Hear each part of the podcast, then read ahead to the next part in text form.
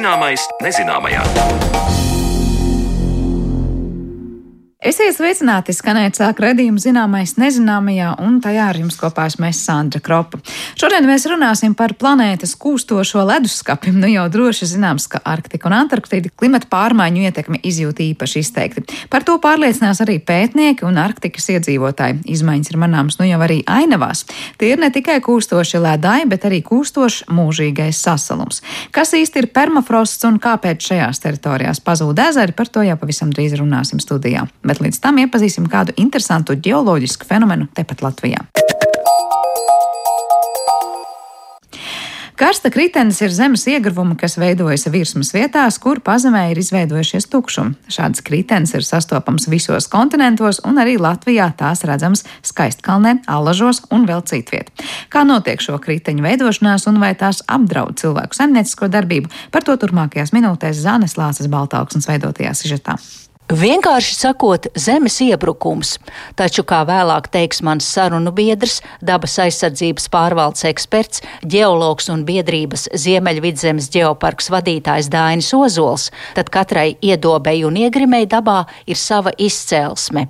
Un tādas arī ir karsta kritenes, kur nosaukums nav saistīts ar augstu temperatūru, bet gan ar karsta plato, geogrāfisku reģionu Slovenijā. Latvijā ģeoloģisko dabas pieminekļu sarakstā ir iekļautas skaistkalnas kritenis un ezernieku karsta kritenis pie allažiem. Kā teica Dainis Ozols, tās ir izteiksmīgas un iespaidīgas vietas, kur redzama dabas spēku izpausme. Viņš arī attālināti ierakstītā sarunā plašāk stāsta par karsta kriteņu veidošanos. Karstu saprot reliefa veidojumus.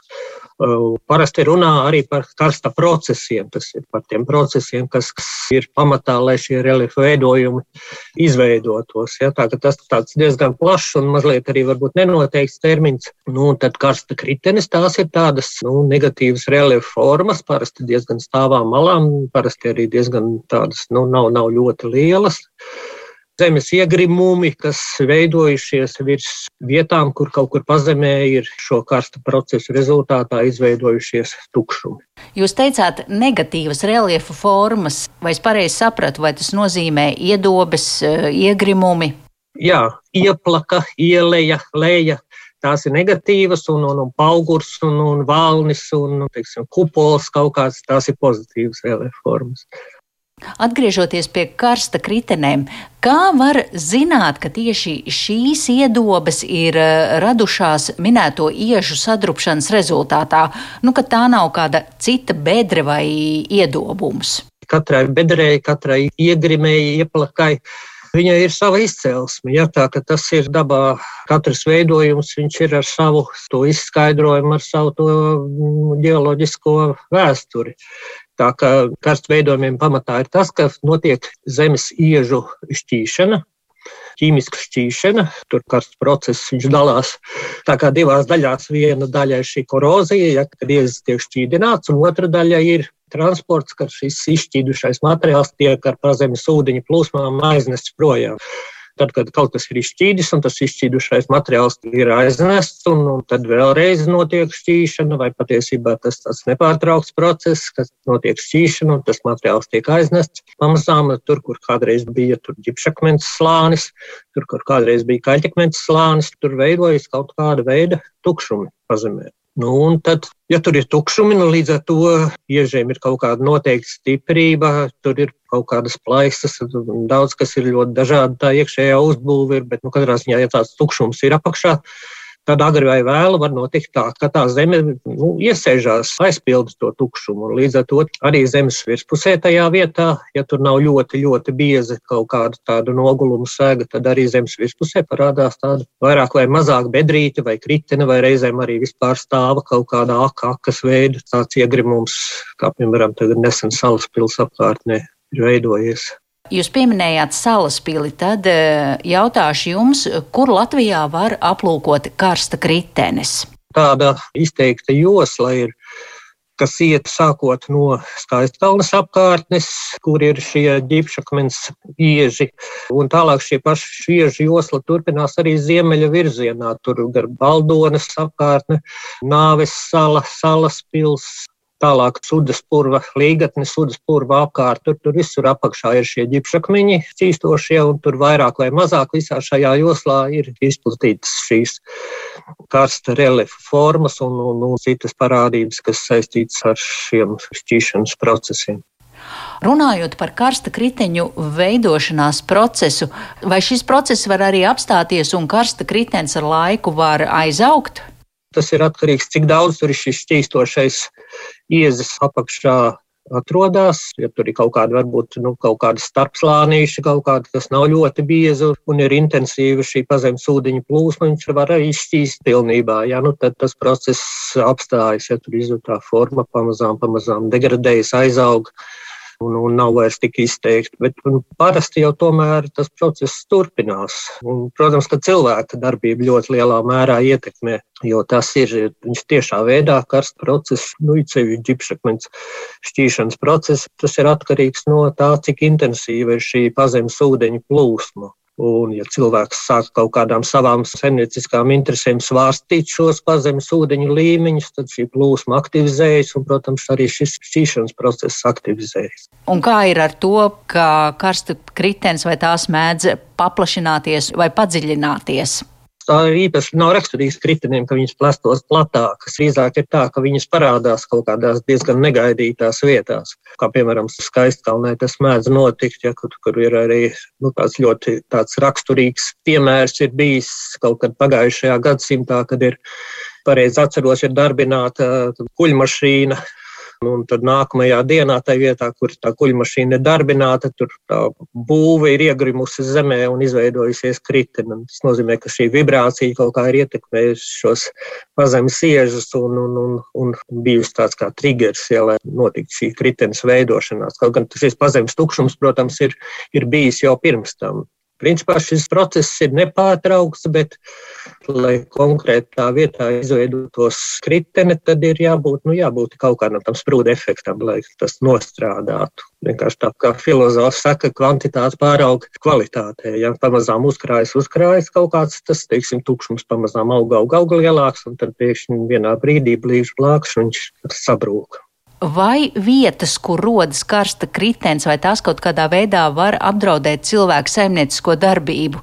Mēs pirms šī sižeta ieraksta ar kolēģiem smējāmies, ka jāpajautā jums par bēdīgi slaveno ģertrūdas ielu, kur pirms pāris gadiem sāka iebrukt asfalts. Proti, vai pilsētās zem ielu seguma var veidoties karsta kritenes? Nē, nu priekš tam eksistē inženierģeoloģiskā izpēte. Un būvējot ēkas, tiek veikti urbumi, tiek apkopoti esošie ģeoloģiskie materiāli, lai pārliecinātos, ka tur apakšā nav šādu pazemes tukšumu, ka tur nav šādu daļai izšķīdušu iežu, vai tieši otrādi gadījumā, ja ir šāda situācija, kā piemēram Real Baltikas pāri šai karstu teritorijai, ja, tad tiek šai būves stiprībai tur tiek pievērsta daudz lielāka uzmanība, tiek viņa nostiprināta tā, lai nodrošinātos arī pret to, ka šie karsta procesi tur apkārtnē norisinās. Ja. Minējāt Rail Baltica celtniecību, kurā vietā tas ir? Katrā ziņā tur, kur iet pāri Latvijas-Lietuvas robežai, trase tur abās pusēs robežā ir šīs karsta teritorijas. Tā, ka es domāju, ka tur tas viss tiek arī ļoti rūpīgi ievērtēts. Nu, vēl ir tāda ļoti līdzīgas karsta kritenēm un karsta reliefa formām veidojas arī ielas vidū var veidoties un veidojas arī drupu iežos. Ja, tur, vairāk ir šī mehāniskā ūdens izskalojošā darbība, erozija un tādi mikroprocesi, ko sauc par sufoziju. Un šo procesu rezultātā arī veidojas kritenes, un Latvijai tas ir raksturīgi. Daudzās vietās gar gauju ir un, un citās vietās kritenes, gan alas pēc formas līdzīgas karsta veidojumiem, bet tā izcelsme tomēr ir pavisam cita.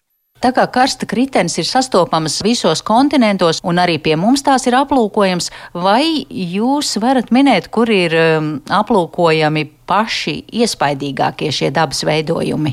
Tas tāpat kā būtu vaicāt, kurš ir lielākais smilšu grauds pasaulē. Ja? Nu, nu, vienkārši, ja karsta kritene ir liela, tad viņu vairs nesauc par kriteni, viņas jau tur ir polijas un, un uvalas, un, un, un tur ir dažādi tie termini, kurus lieto šādām plašām piegrimušām teritorijām, kur ir saplūdušas jau daudzas karsta kritenes. karsta formas katrā ziņā ir ļoti, ļoti daudzveidīgas. Ir arī tādas virsmas formas, ja kā karri, karri tas ir tādi asi kaļķakmens izcīņi, kas veidojas šīs korozijas rezultātā, kad ūdens šķīdina šo šķīstošo iedzi kaļķakmeni, un tad, tad veidojas tāda asils izcīņa un acīs stāv.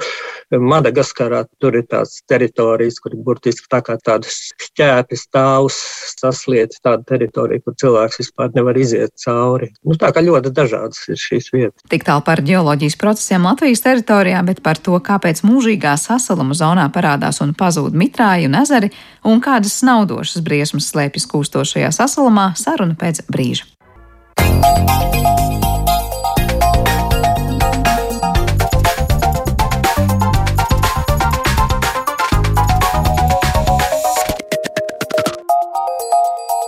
Zināmais nezināmajā.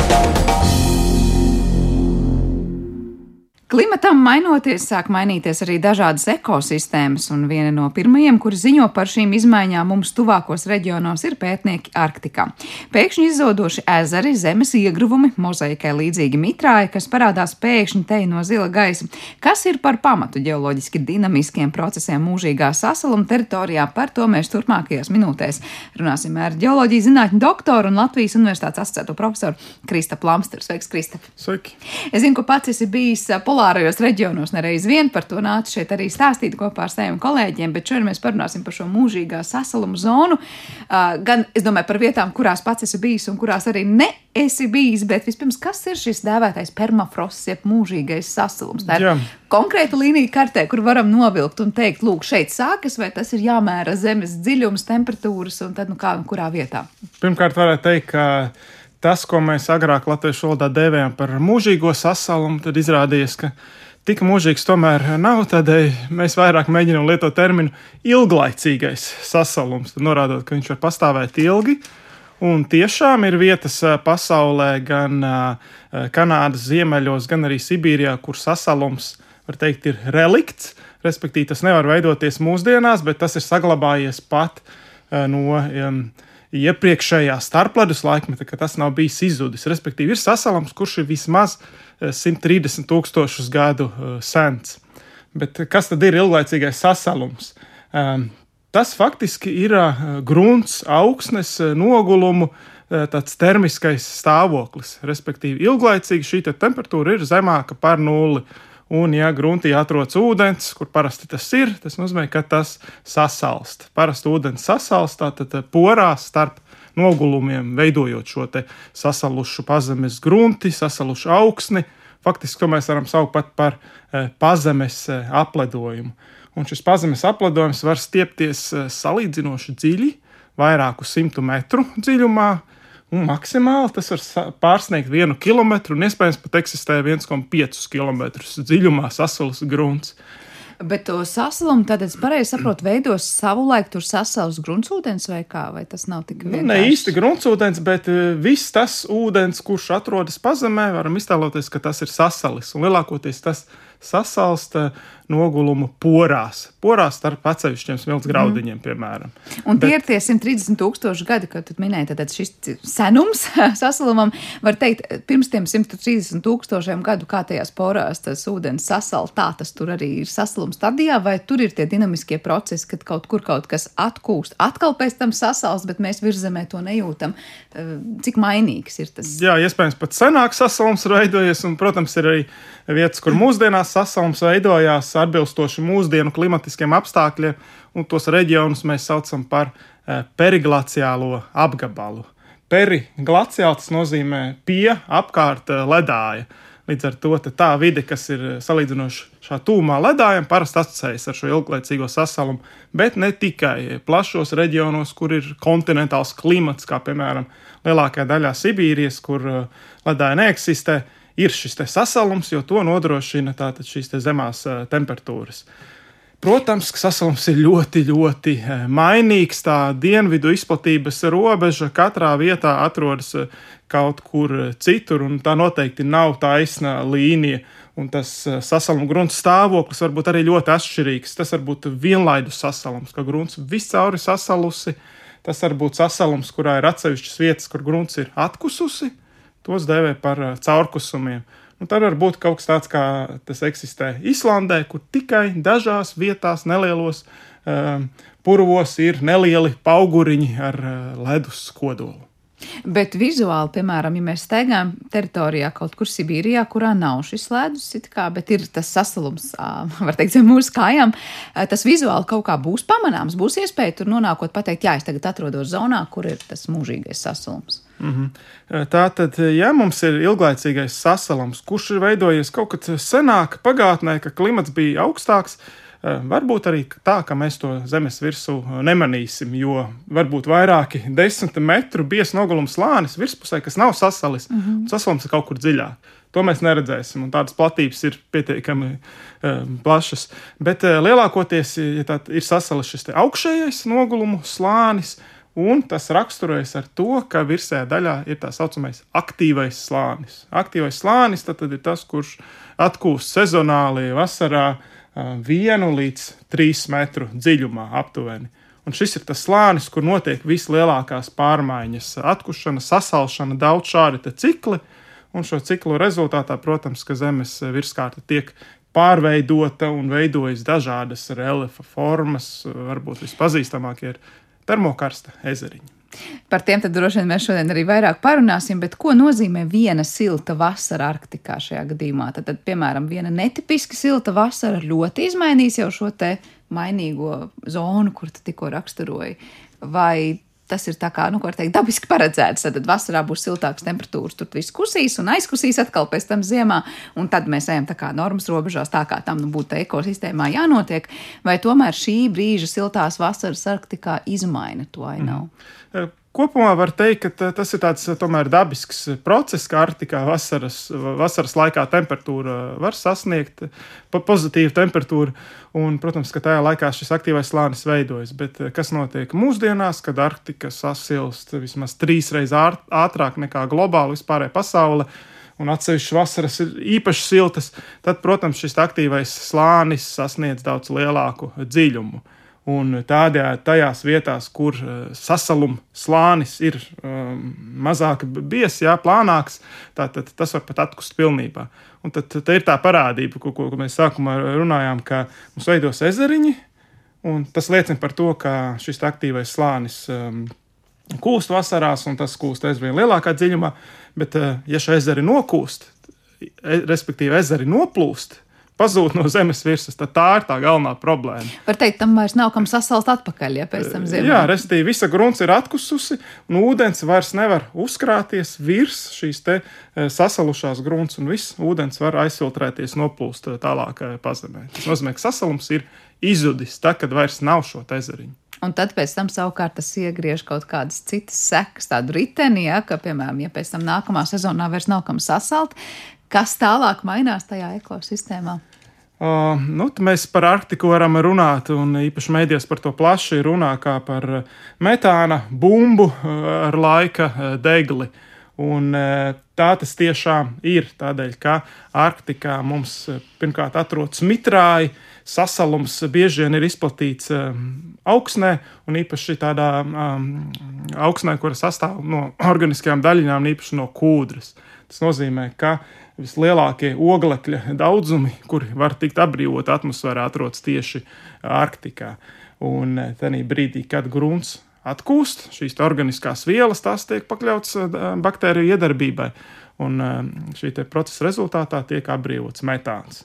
Un metāns ir uh, siltumnīcas efekta izraisoša gāze vismaz 25 līdz pat 85 reizes efektīvāka kā oskābā gāze. Uh, šie metāna krājumi, tas iespējamais nākotnes metāna efekts ir e, daudzkārtīgi lielāks nekā līdz šim e, no industriālā laika cilvēka izraisītā teikt, globālā sasilšana. Tad var teikt, jo vairāk tādu kūstošu ezeriņu Arktikā, kas pēc tam aizplūst prom un tad tiek atbrīvota šī grunts, tā var teikt, jo vairāk mēs dzirdēsim par to, kā atkal ir siltumnīca efekta gāzu daudzuma pieaugums, un patiesībā mēs tās klimata pārmaiņas vēl jau vairāk veicināsim šādā veidā.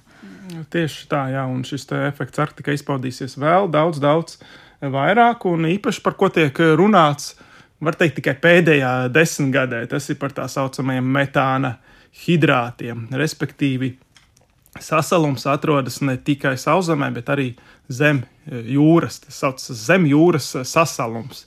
Plašos atgaba, apgabalos, faktiski ziemeļu, jeb Arktikas okeāna šelfa zonās, kur ūdens dziļums ir nu, salīdzinoši sekls, 50 līdz vairāk simti metru. Zem šī ūdens slāņa atrodas sasalusi jūras uh, grunts. Un šajā sasalušajā ledū uh, var teikt, šīs šajās ledus eh, molekulu eh, kristāliskajā režģī atrodas slazdi, kur ir iesprostota gāze, metāna gāze. Un šie metāna hidrāta krājumi ir lielāki faktiski par visiem pārējiem ogļu ūdeņražu krājumiem pasaulē. Un eh, tā tad, ja okeāns pamazām sasilst, Tas nozīmē, ka šie apstākļi, lai metāna hidrāts varētu eksistēt sasilušā stāvoklī, vairs neeksistē, un metāns atbrīvojas no jūras gultnes. Un, uh, tas tiešām tikai pēdējos gadus ir reāli nomērīts, ar, braucot ar kuģiem, ekspedīcijās, ka metāna daudzums jūrās daudzviet pārsniedz, uh, vairāk kārtīgi pārsniedz to normālo daudzumu. Un vietām pat ir novērots uh, tā, tā, tāds process, ka metāns tiešām vertikāli paceļās no jūras gultnes līdz pat uh, jūras uh, ūdens augšējai daļai. Tad, kad mēs runājam par ogliskābās gāzes nonākšanu ūdenī, mēs runājam par okeāna paskābināšanos un to, ka patiesībā notiek virkni dažādu procesu pēc tam. Tur neveidojas normāls tur čaulas vai, piemēram, šiem te, nu, jā, moluskiem, daudz kam citam. Uh, korāļi, protams, izbelē un ir virkni citu procesu, jo tas ir, kā saka, nu tā cena, ko mēs maksājam par to, ka okeāns mūs dzēsē un paņem uz sevi, kā teikt, lielu daļu ogliskābās gāzes. Vai metāna gadījumā mēs runājam par kaut ko līdzīgu, ka pēc tam tas, kas notiek, notiek, ir šī arī paskābināšanās, vai tur ir citas ķīmiskās mm. reakcijas, un tur tas noteikti nenotiks. Nu, man liekas, būs grūti atbildēt uz to tieši, kā metāns iespaidos jūras ekosistēmas. Es varbūt ne šo procesu vairāk pētījis, bet tas lielākais uztraukums ir tieši par to, ka metāns no okeāna atbrīvojas. Tas nonāk atmosfērā, tādējādi pastiprinot šo siltumnīcas gāzu. Tā kā vairāk efektu. mēs runājam par to, ka mums būs vēl vairāk siltumnīcas efektu radošo gāzu, nevis šobrīd mēs komentējam to, kādu jā, procesu jā. tas līdz sev nesīs. Nu, nu, otra varbūt eh, lieta, ko var uzsvērt, ir tas, ka šie metāni, hidrāti, eh, faktiski tas ir arī resursi, līdzīgi kā uh, dabasgāze. No turienes var iegūt dabasgāzi, un uh, šie dabasgāzes apjomi, var teikt, metāna hidrātos ir lielāki nekā pašas dabasgāzes apjoms um, kopumā. Un, un, un ir jau valstis, Ķīna un Indija, kas eksperimentāli jau mēģina šo metāna gāzi no metāna hidrāta iegūt.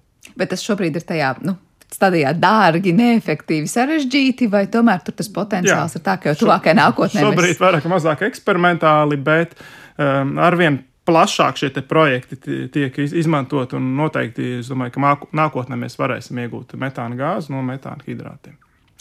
Jā, par to, kā tas attīstīsies, protams, tālāk runāsim un redzēsim un, un, un vērosim, bet es saprotu tas, kāpēc šobrīd viss tas process, process sākas ir šo temperatūru palielināšanās, un, teikt, šajā gadījumā jūru silšana, vai konkrēti pirms tam, ko runājam, šo ezeru kušana, tad var teikt, klimata pārmaiņas jau rada šo, šo efektu, vai tur ir vēl citi cēloņi, kāpēc šobrīd kūš šie ezeriņi un kāpēc atbrīvojas šis metāns jūrā. Nu, šobrīd diezgan viennozīmīgi tas ir cilvēka izraisītu klimata pārmaiņu rezultāts. To mēs varam novērot eh, pēdējās divās desmitgadēs eh, ļoti, ļoti eh, strauji. Faktiski, ja mēs vismaz par oskābo gāzi runājam, tad daudz jau ir dzirdējuši, ka oskābās gāzes koncentrācija atmosfērā pārsniedz 400 miljonās daļiņas, un faktiski šāda koncentrācija nav bijusi vismaz pēdējos 3 miljonus gadu, kuru laikā mēs esam piedzīvojuši ļoti radikāls klimata pārmaiņas, respektīvi ledus laikmetus un starp ledus laikmetus. Tas nozīmē to, ka temperatūra ļoti strauji turpinās paaugstināties, un varbūt par metāna izdalīšanos šobrīd mums nevajag tik ļoti satraukties, bet pēc vairākiem desmitiem gadu tas tiešām var izraisīt tātad globālās temperatūras pieaugumu nu, vismaz par kādu grādu dēļ šī metāna gāzes.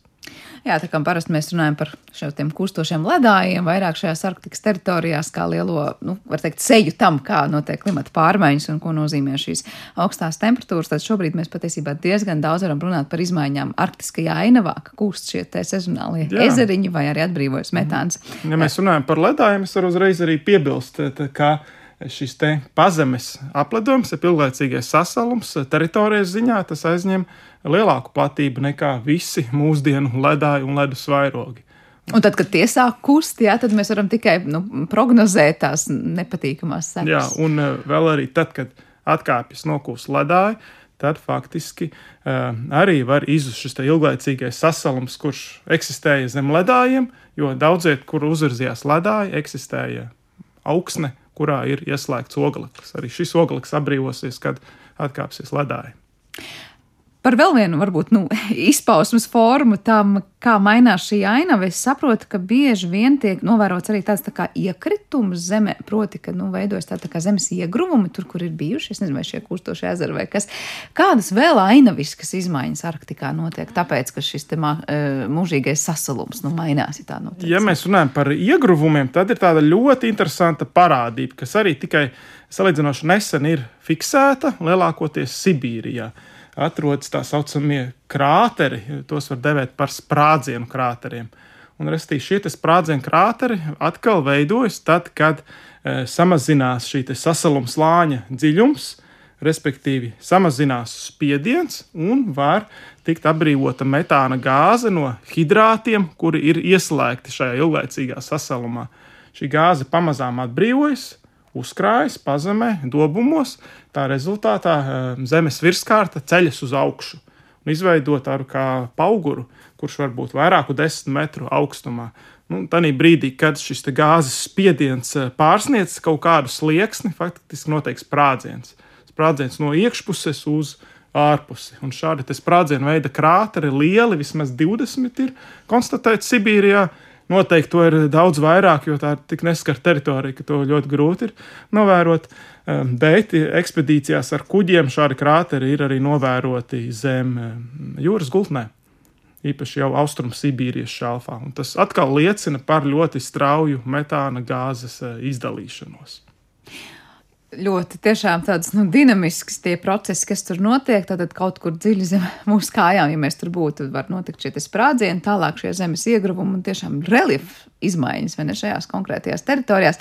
Kas ir ar šīm mozaīkai līdzīgajām mitrai teritorijām? Tas ir, mēs varam teikt, kaut kas atkal par tiem ezeriņiem, kā mēs sākām, vai tas ir vēl kaut kas cits, tas ir vēl, var teikt, nu, trešais kaut kāds ainams elements, kas veidojas. Tad, mēs, ja mēs runājam par šo ilglaicīgā sasaluma apgabalu, jeb pareizāk to sauc par periglaciālo apgabalu, tad tajā ļoti raksturīgas ir tā saucamās pirmkārt poligonālās gruntis, jeb reizēm to sauc par tundras poligoniem. Tad, ja kāds ir bijis tundrā, tad grunts parasti nav līdzena, bet ir dažādi veidi poligoni. Tātad apli, reizēm tiem ir šķautņainas formas, vairāku metru diametrā un, eh, respektīvi, gruntī sasalstot un atkūstot vairāk kārtīgu, var teikt, simtiem ciklu rezultātā. Tā var teikt, lielākie akmeņi, lielākās atlūzas daļiņas pamazām ceļas uz augšu, un tās sakārtojas šādās apļveida struktūrās. Ja tā ir nogāze, tad var būt tādas um, garas uh, akmeņu um, joslas, piemēram. Tas ir ļoti raksturīgi mm, tundrai, restīvi visur, kur ir ilglaicīgais sasalums, kur ir aktīvais slānis, uh, veidosies šādi grunts poligoni. Un otrs ir tā saucamais um, ledus ķīļu poligoni. Par ledus ķīļiem iespējams, ka mēs esam dzirdējuši. Respektīvi, var atgādināt. Jā, tā tad uh, ledus veidojas ne tikai porās starp nogulumiem, bet tas var veidot arī tādu atsevišķu ledus ķermeni. To zinātnieki sauc par segregācijas ledu. Uh, Un tas notiek eh, tādā veidā, ka pirmkārt eh, gruntī eh, sasalstot un atkūstot, mainās gan mitruma režīms, gan temperatūra. Un notiek grunts termālā saraušanās, tajā brīdī, kad grunts attiecīgi mm, izžūst, piemēram. Un šajās te plaisās, termālajās plaisās, iesūcas ūdens, ūdens sasalst, veidojot tādu ķīli, kurš izķīlēs virzienā uz leju. Šie ķīļi uh, Arktikā var sasniegt vairāku desmitu metru dziļumu, 30 pat vairāk metrus. Un tad, tādā brīdī, ja mainās grunts termiskie apstākļi, respektīvi, mainās temperatūra, mainās hidroloģiskais režīms, cilvēki izcērt mežus vai notiek meža ugunsgrēki, tad šie ķīļi sāk degradēties. Un tādā vietā, kur ir bijis šis ķīlis, Zeme var nedaudz iesaisties un izveidosies šis te termokarsta ezeriņš, kam ir ļoti iepaļa forma parasti.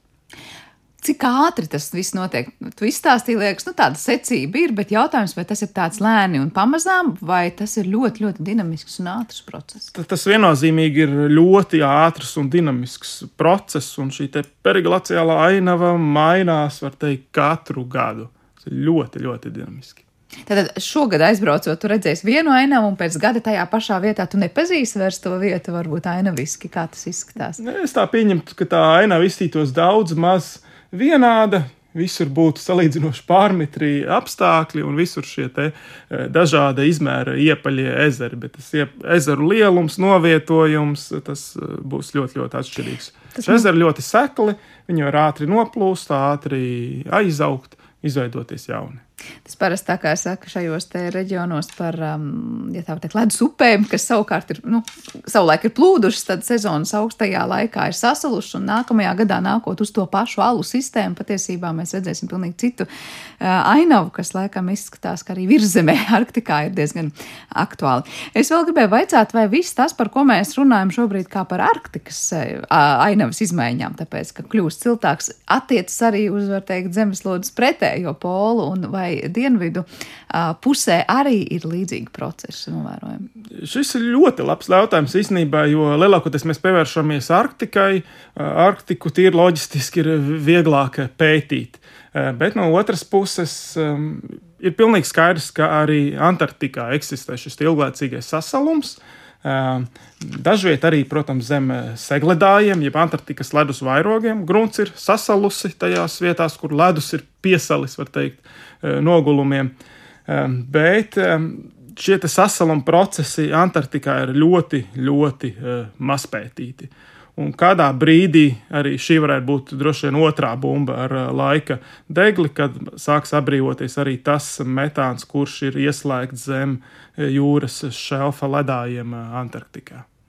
Saka, bumba ar laika degli, vai mēs varam kaut ko darīt, lai tā bumba ar laika degli vismaz nu, otrā planētas pusē neaktivētos, vai atkal savukārt kaut kā mazināt tos efektus, kas jau ir aktivē, aktivēti mūsu ziemeļā. Jā, kopumā var teikt, ka globālā sasilšana tā ir problēma, ko cilvēks atrisināt nevar. Tas ir viennozīmīgi skaidrs, bet mēs šo problēmu varam samazināt un, un, un zinātnieki uzskata, ka varbūt vēl mēs varam apturēt tādu ļoti strauju eh, metāna izdalīšanos Arktikā, bet eh, tam mums būtu eh, faktiski jābeidz izdalīt šie izmeši atmosfērā. Jau šodien, tu, tu, jau, jau šodien, tūlīt pat mēs nevaram gaidīt ilgāk.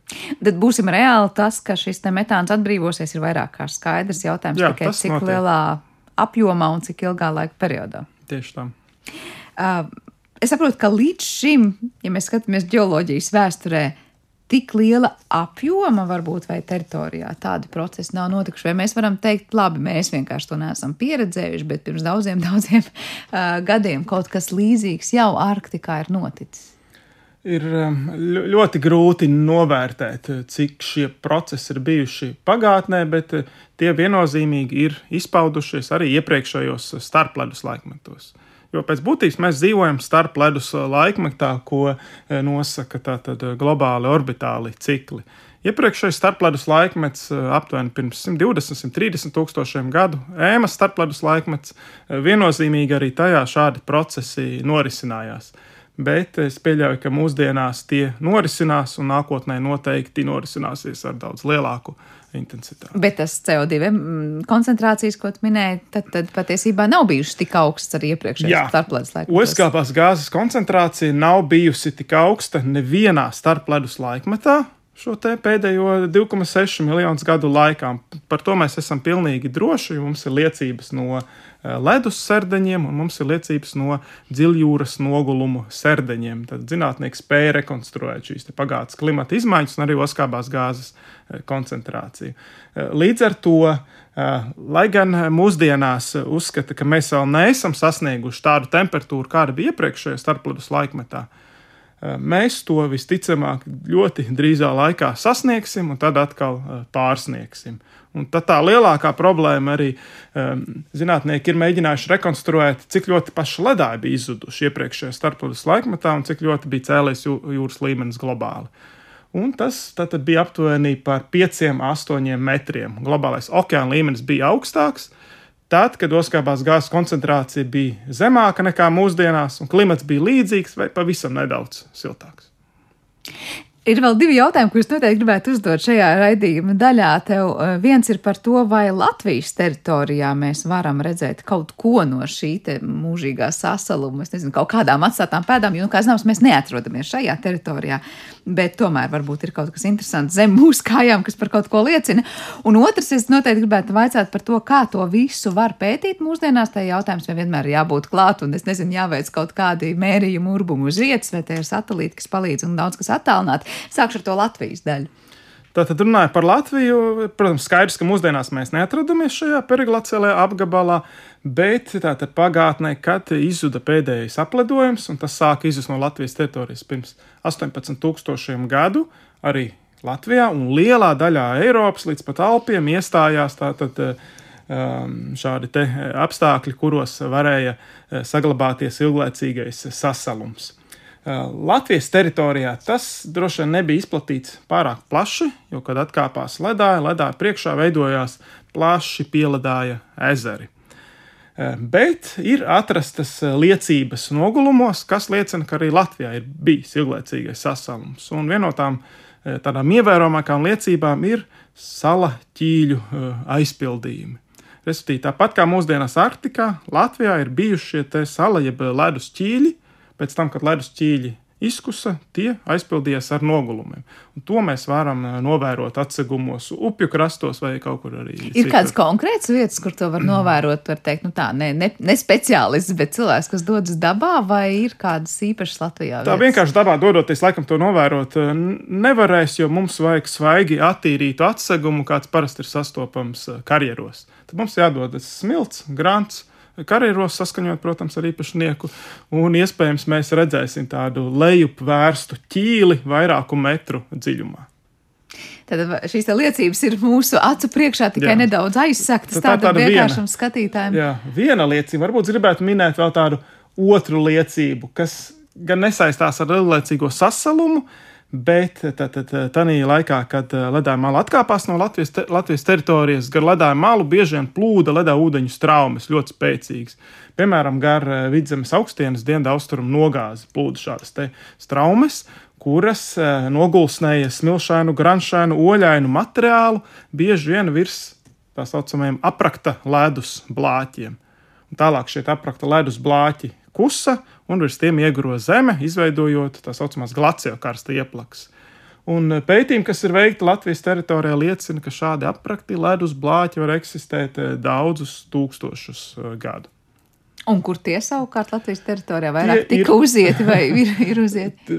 Tā tad vidzemes augstienes dienvidaustrumu nogāzē, kur atrodas reliforma, ko dēvā par kēmu terasi, ir ļoti daudz šādas glaciokarsta ieplakas, īpaši vietālvas apkārtnē, bet daudz viet citur Latvijā, kur ir izteikti iepaļi ezeri, Tad tie nav termokarsta ezeri, kas veidojas degradējoties ilglaicīgam sasalumam, bet tie ir glaciāli karsta ezeri, kur bijuši aprakti ledus blāķi. Tie ir izplatīti visā Latvijas teritorijā nevienmērīgi. Jā, kas vien liecina, ka tiešām šīs te, nu, sasaluma ainavas te ir tūmā vismaz bijušas un mums saistošas. Par to pētniecību vēl pavisam īsi. Es saprotu, ka ir polārās ekspedīcijas, kurās ik pa laikam dodas Latvijas pētnieki vai tikai būšana uz vietas ir veids, kā pētīt šo ainavas izmaiņu un, un to, kā šis mūžīgais saslums mainās, vai arī sēžot šeit Rīgā, patiesībā var šobrīd daudz ko jaunu uzzināt. Um, šajā gadījumā arī jāsaka, ka pētījumi laukā uz vietas ir ļoti eh, nozīmīgi ilglaicīgā sasaluma pētniecībā. Jo ar satelītiem mēs varam tikai pētīt nu, to, tos procesus, notiek Zemes virsējā daļā, kā mainās termokārsta ezeriņa platība. Bet, lai saprastu kā šis sasalums, cik dziļi ir izplatīts, ir jāveic mērījumi uz vietas. Um, tiek pirmkārt organizētas ekspedīcijas ar kuģiem, kad mēra šo metānu koncentrāciju, tiek apsakot šie sprādzienu krāteri. Bet arī latviešu zinātnieki, geologi savā ekspedīcijās ir nedaudz pievērsušies ilglaicīgā sasluma pētniecībai, izmantojot geofizikālas metodes. Tās pārsvarā divas - tas ir georadars un tā ir elektroizpēte. Piemēram, izmantojot georadaru Svalbārā, polāra stācijas apkārtnē, mēs tad noskaidrojām, cik biezs ir aktīvais slānis, respektīvi, kādā dziļumā sākas šis ilglaicīgais sasalums. Un mēs noskaidrojām, ka tas ir aptuveni 1 līdz 2 metru dziļumā, bet tas ir ļoti mainīgs un tas mainās no attiecībā pret attālumu no jūras, piemēram. Bet to, cik ļoti tas mainās laikā, tas nozīmē, ka, piemēram, ir jāveic tāds pats mērījums pēc dienas, piecām mēnešu un gada vai. Nu, faktiski katru gadu būtu jādodas un jāveic eh, monitorings. Nu, tas arī raksturo, ka arī šādi pētījumi ir ļoti grūti. Poļu zinātnieki bija tam nedaudz pievērsušies. Viņi raka pētbedres līdz šai sasaluma virsējai daļai un tad visu vasaras sezonu, vairākus gadus no vietas, tad eh, mēģināja saprast, kā mainās šis aktīvais slānis. Bet es pieņemu, ka gan tas, kā mainās šī ainava, gan tas, ko mēs runājam par šo baktēriju klātbūtni, mikroorganismu klātbūtni, gan to, kā šis metāns varētu tikt izmantots arī dabas gāzes ieguvēji, nu, pētījumi, var teikt, Arktikā tikai sev pieteiks, es domāju, no dažādu valstu zinātnieku puses. Jā, tiešām pētījumi šobrīd tikai sākas un tās disciplīnas, kuras varētu meklēt dzirdīgas auss Arktikā, droši vien arī kļūs arvien vairāk. Jā, disciplīna būs arvien vairāk, un, protams, arī geologiem ir ļoti liela interese. Ja mēs skatāmies vēsturē, tad es varu, varu minēt tādu notikumu, kad ļoti strauji paaugstinājās globālā temperatūra. Tas bija palecēna, eocēna, tā saucamais posms pirms 55 miljoniem gadu. Un agrāk zinātnieki uzskatīja, ka temperatūra globāli paaugstinājās par 5, 8, varbūt vairāk grādiem dēļ vulkāniskās aktivitātes bet pēdējos pētījumos ir noskaidrots, ka galvenā loma bija tieši metāna gāzei, kurš izdalījās no zemes dzīvēm. Redz, kā tāda pārsteiguma pilna pasaule, un patiesībā ļoti daudz pārsteigumu mums var sagādāt arī nepatīkami, diemžēl, šī metāna izdalīšanās no šīm zemes dzīvēm Arktikā. Kristap, liels paldies par šo sarunu un to, ka viesi skaidrību mūsu zināšanās par to, kas notiek tālu, varbūt no Latvijas teritorijas, bet diezgan tuvu mūsu zināšanām. Proti, tas, kas uz mums attiecas, pavisam noteikti ir arī tas, kas notiek zemes dzīvēm Arktikā. Atgādināšu, ka Latvijas Universitātes asociētais profesors Kristaps Lamsters ar mums bija kopā šajā raidījuma pusstundā, un ar to arī raidījums ir izskanējis, par ko parūpējās producenta Paula Gulbinska. Skaņu režijā bija Kristīna Dēla, par mūziku gādāja Girds Bišs, bet ar jums kopā bija Sandra Kropa. Un vēl tikai piebildīšu, ka viss Latvijas radio saturs tagad ir pieejams arī mobilajā lietotnē. Tāpēc lejuplādējiet aplikāciju un klausieties arī šo raidījumu ērtāk savā telefonā, jebkurā laikā un vietā. Visu labu!